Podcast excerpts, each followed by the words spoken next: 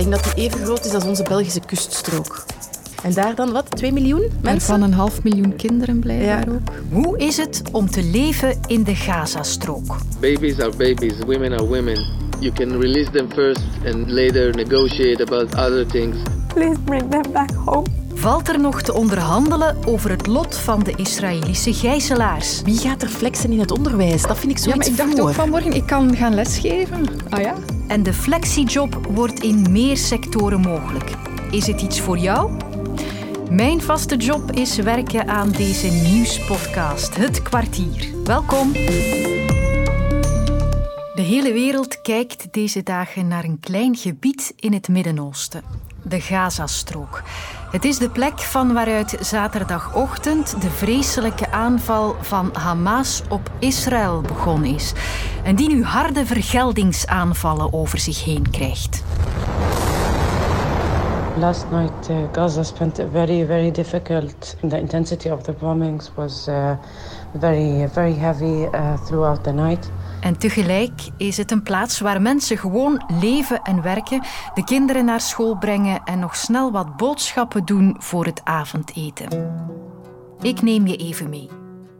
De Gazastrook is nog geen 400 vierkante kilometer groot. Het is een gebied bijna helemaal omringd door Israël en de Middellandse Zee, op een korte grens met Egypte na.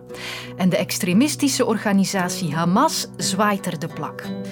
De Gazastrook wordt niet letterlijk bezet door Israël, maar is wel volledig geïsoleerd en geblokkeerd. Niks of niemand kan er zomaar binnen of buiten. En dus wil ik weten hoe het leven daar is, op die smalle lap grond. Ik ben al heel de ochtend aan het proberen om iemand in Gaza te bereiken. Wacht, dit is hem. Wat? Dat proberen. Het gaat over. Hallo? Iemand bereiken in Gaza, het is niet gemakkelijk. Ja, eh, het is heel moeilijk eh, voor iedereen om, eh, om, om te communiceren. Er is geen elektriciteit, er is geen bereik. En sinds deze ochtend is het alleen maar verergerd. Dus communiceren is enorm moeilijk. En ook problemen met, met het voorzieningen zoals water en, en benzine. Maar het is redacteur Katrien dus toch gelukt om Matthias Kennis te pakken te krijgen. Hij werkt in de Gazastrook voor Artsen zonder Grenzen. Stel u voor, eh, 40 kilometer lang. Dat is denk ik tussen Antwerpen en Brussel. En in de breedte is dat tussen 6 à 12 kilometer breed. En daar wonen 2,1 miljoen eh, Palestijnen. De Gazastrook wordt vaak gezegd dat dat de grootste openluchtgevangenis is in de wereld. Het is ook de derde meest bevolkte plaats in de wereld. Wij proberen zoveel mogelijk ehm, hulp te bieden. Dus wij hebben een, een, ziekenhuis in het noorden van Ga- Gaza, in het Jabalia Refugee Camp, waar dat wij 24 uur op 24 werken. Gisteren hebben wij 50 mensen eh, tegelijkertijd in onze spoedafdeling gekregen. Vijf daarvan waren eigenlijk al overleden toen ze zijn aangekomen. En eh, ons team is erin gelukt om de meeste mensen ook eh, te stabiliseren. Sommige van hen blijven in het ziekenhuis, anderen die zijn terug moeten vertrekken in de hoop een veilige plaats te vinden in dat deel van de Gazastrook. Ik kan mij al wat beter inleven nu. De Gazastrook is dicht bevolkt, het leven is er hard en er zijn tekorten aan van alles en nog wat. En daar komt nog eens dat bewind van Hamas bovenop. Hoe voelt dat aan als gewone burger? Mijn collega Masht Khalife heeft zelf Palestijnse roots en zoekt voor mij een antwoord. Mensen zitten onder dwang nu al 17 jaar, onder controle van die beweging. Dat zijn mensen die zich aanhangen aan die ideologie. Dat ideologie verkoopt heel goed. Als je zit in de situatie waar de Palestijnse bevolking al meer dan 70 jaar in zitten, onderdrukt, geen rechten, grote werkloosheid, fantastische omgeving om zo'n ideologie te verkopen natuurlijk, want je wil terugplooien op jouw eigen identiteit. Alleen zijn er ook mensen die de ideologie van Hamas niet zozeer aanvaarden. Maar, en dat is wel iets dat ik merk bij elke interview die ik doe met een Palestijn, willen ze het gewoon vooral benadrukken dat hun probleem niet Hamas is, maar de militaire bezetting van Israël. En ondertussen blijft Matthias vanuit Gaza berichten en filmpjes sturen dat de flat van zijn Palestijnse collega gebombardeerd is. Dat er in de woonwijk vlakbij zijn kantoor amper nog iets recht staat. Dat mensen niet weten naar waar te vluchten. De Gazastrook is, is in normale omstandigheden geen gemakkelijke plaats om, om te leven. Wat er vandaag aan het gebeuren is, maakt het absoluut niet gemakkelijker. Eh, de destructie hier is enorm. Er zijn ook ziekenhuizen beschadigd. Er zijn ook um, ziekenwagens getarget geweest. Ja, het is heel verontrustend wat er hier aan het gebeuren is.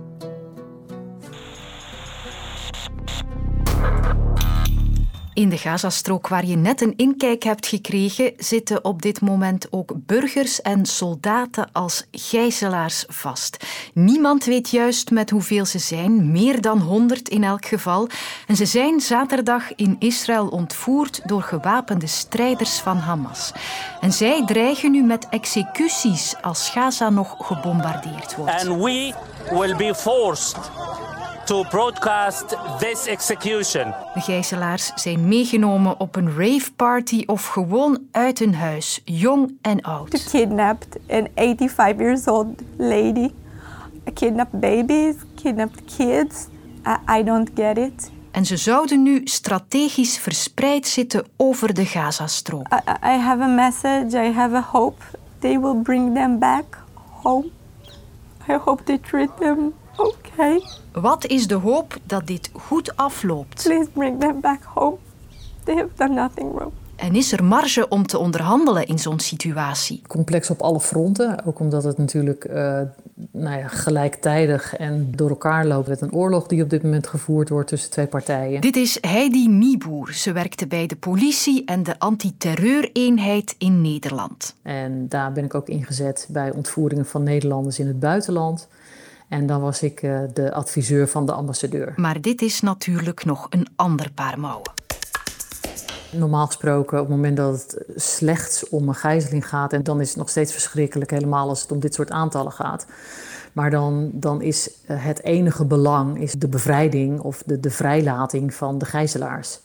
En op dit moment zijn de belangen natuurlijk zo enorm en zo complex, uh, zowel op de korte termijn als op de lange termijn uh, in deze strijd ja, dat dat niet los van elkaar gezien kan worden op dit moment. Valt er hier nog wel iets te onderhandelen? Want ik ga u even een indruk laten horen van onze verslaggever in Israël. Heel wat Israëli's met wie ik spreek, die zeggen eigenlijk gewoon... kijk, voor ons zijn die mensen helaas nu al dood. De 130 gijzelaars zouden Israël niet mogen tegenhouden... om keihard te gaan terugslaan of om zo'n offensief te gaan tegenhouden. Ja, dat is een, een, een, harde uitspraak best wel. En, en ja, als onderhandelaar probeer je toch altijd het sprankje hoop te vinden en toch het contact te leggen. En, en de hoop in deze is, in mijn ogen, en hoe klein die misschien ook is, is toch dat de mensen op dit moment nog in leven zijn. En dat zij blijkbaar toch in leven worden gehouden omdat ze daar, uh, daarin iets nodig hebben van Israël. And uh, we don't know how long she can stay without her medicine.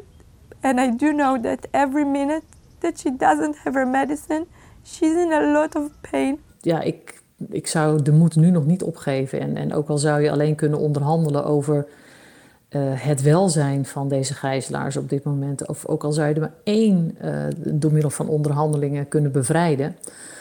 Ja, ik, ik zou dat niet opgeven, die hoop. Nou, ik denk dat dat niet mag naar de gijzelaars en ook niet naar de mensen die, uh, die wachten op een, een terugkeer of in ieder geval op, op goed nieuws.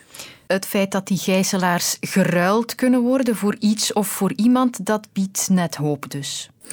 Ja, en het lijkt heel onwaarschijnlijk. En gelijktijdig zien we in de geschiedenis dat het uh, vaker gebeurd is. Uh, dat Israël uh, Palestijnse gevangenen heeft uitgeruild. Nou, het meest bekende geval is in 2011 dat een Israëlische soldaat Gilad Shalit, dat uh, uitgeruild is tegen meer dan duizend Palestijnse gevangenen. Israeli soldier Gilad Shalit is freed after five years of captivity in the Gaza Strip. En dat er ook op voorhand, nog voor de echte bevrijding, dat er twee of drie keer mensen uitgeruild zijn tegen een brief of een proof of life. Dus ook dat zou bijvoorbeeld nog iets kunnen zijn van kunnen wij iets te horen krijgen over de gijzelaars in ruil voor iets anders misschien. Bent u zeker dat er onderhandeld wordt op dit moment? Ik, ik heb geen idee wat er gebeurt, maar ik kan me haast niet voorstellen dat er, dat er niet onderhandeld wordt. En onderhandelen moet je niet altijd zien als dat er direct zaken gedaan wordt, maar onderhandelen gaat ook over het contact met elkaar leggen van waar, wat willen jullie, wat, wat zijn de mogelijkheden.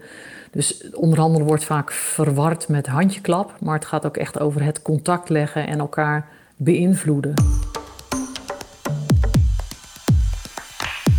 Eden Hazard stopt op zijn 32e met voetballen. En ik vermoed dat hij als jong gepensioneerde nu niet per se op zoek moet gaan naar een flexiejob.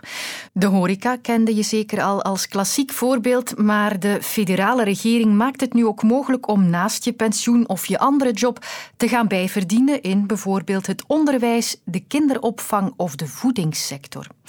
Ikzelf studeerde Frans, een van die knelpuntvakken op school, dus kan ik nu wat gaan bijverdienen als flexijobber als ik wil.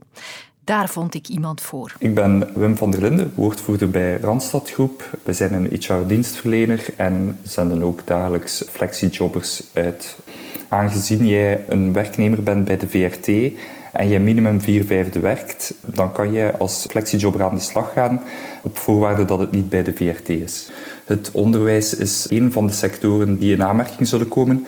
Maar in welke functies dat dan exact zal zijn, daar is nog geen duidelijkheid over. Oké, nog even afwachten dus. Maar ik heb ook eens aan mijn collega's gevraagd waar zij willen flexijobben. Welke flexiejob zou jij uh, doen, Jan? Boswachter. Boswachter. Oh, ja. Zou het kunnen in die sector? De sector bos erbij is. Kan onze technicus Jan boswachter worden? Op voorwaarde dat Jan minimum 4 vijfde werkt, kan hij zeker ook een flexiejob doen. Voor de job van boswachter, ook daar is nog eh, heel wat onduidelijkheid. De land- en tuinbouwsector is een sector die in, uh, in aanmerking zal komen. Maar of de functie van boswachter daar dan exact onder valt, ja, daar heb ik het op dit moment het gissen naar. En dan Katrien. Zij zag zichzelf al meteen als buschauffeur flexijobben. Ik heb een keer met een lijnbus gereden, met een bus van de lijn. Dat ging mij af, jong. Echt waar. Dat, rijdt zo smooth als iets. Maar ze werkt hier wel als freelancer, als zelfstandige. Helaas voor Katrien komt zij niet in aanmerking om als flexijobber te werken, aangezien zij uh, zelfstandige is. Zelfstandigen komen niet in aanmerking voor het statuut. Desalniettemin is de sector van de, de bussen en de autocars wel een sector die ook in aanmerking zal komen voor flexijobbers. Dus is de conclusie? Je kan als flexijobber werken als je minimum vier vijfde werkt bij een andere werkgever dan waar je werkt als flexijobber. Er is wel een, een heel belangrijke voorwaarde. Je moet in het derde kwartaal vooraf aan het kwartaal waar je je flexiejob doet minstens vier vijfde gewerkt hebben. En ook gepensioneerden mogen een flexiejob doen. En als je dat kan doen, dan zijn er wel wat voordelen. Het is een manier voor werknemers en gepensioneerden om voordelig een centje bij te verdienen zonder extra belasting te betalen. Je betaalt ook geen sociale bijdrage, dus het bruto bedrag is eigenlijk gelijk aan het netto bedrag. En je bouwt ook sociale rechten op, zoals een werkloosheidsuitkering, pensioen en vakantie. Voor de werkgever is het ook een heel interessant statuut, aangezien zij een uh, verlaagd tarief aan werkgeversbijdrage betalen. Tot op heden was dat 25 procent. De federale regering heeft ook aangekondigd van dat op te trekken naar 28 procent. Maar dat blijft natuurlijk nog steeds een gunstig tarief. En toch zijn er ook een paar moeilijkheden waarmee je rekening moet houden. Er is ook aangekondigd dat er een plafond zal komen. Men zal maximum 12.000 euro per jaar kunnen bijverdienen. Je moet natuurlijk dat cijfer goed in de gaten houden, want op het moment dat je daarover gaat, val je niet meer onder het statuut flexijobber. En dan zal je natuurlijk zwaarder belast worden. Daarnaast is het statuut van flexijob natuurlijk ook een flexibel gegeven. Het uh, laat de werkgever toe dat ze gemakkelijk een extra werkkracht kunnen inschakelen aan een voordeliger tarief. Maar dat betekent ook, ja, als die nood aan een flexibele werkkracht er niet is, dat je natuurlijk ook niet zullen oproepen. Dus dan, dan sta je natuurlijk zonder job. Maar alles bij elkaar blijft het natuurlijk een, een zeer gunstig tarief om als werknemer 12.000 euro per jaar onbelast te kunnen bijverdienen. Stuur mij nog geen vacatures, want ik zou toch eerst nog eens goed willen nadenken of ik er wel een flexiejob wil bijnemen. Maar morgen neemt Lode het hier wel van mij over. Dag! Iemand, de succesvolle podcastreeks over gewone mensen met een ongewoon verhaal, is terug. Elke maand een nieuw verhaal. Vanaf nu in de app van VRT Max.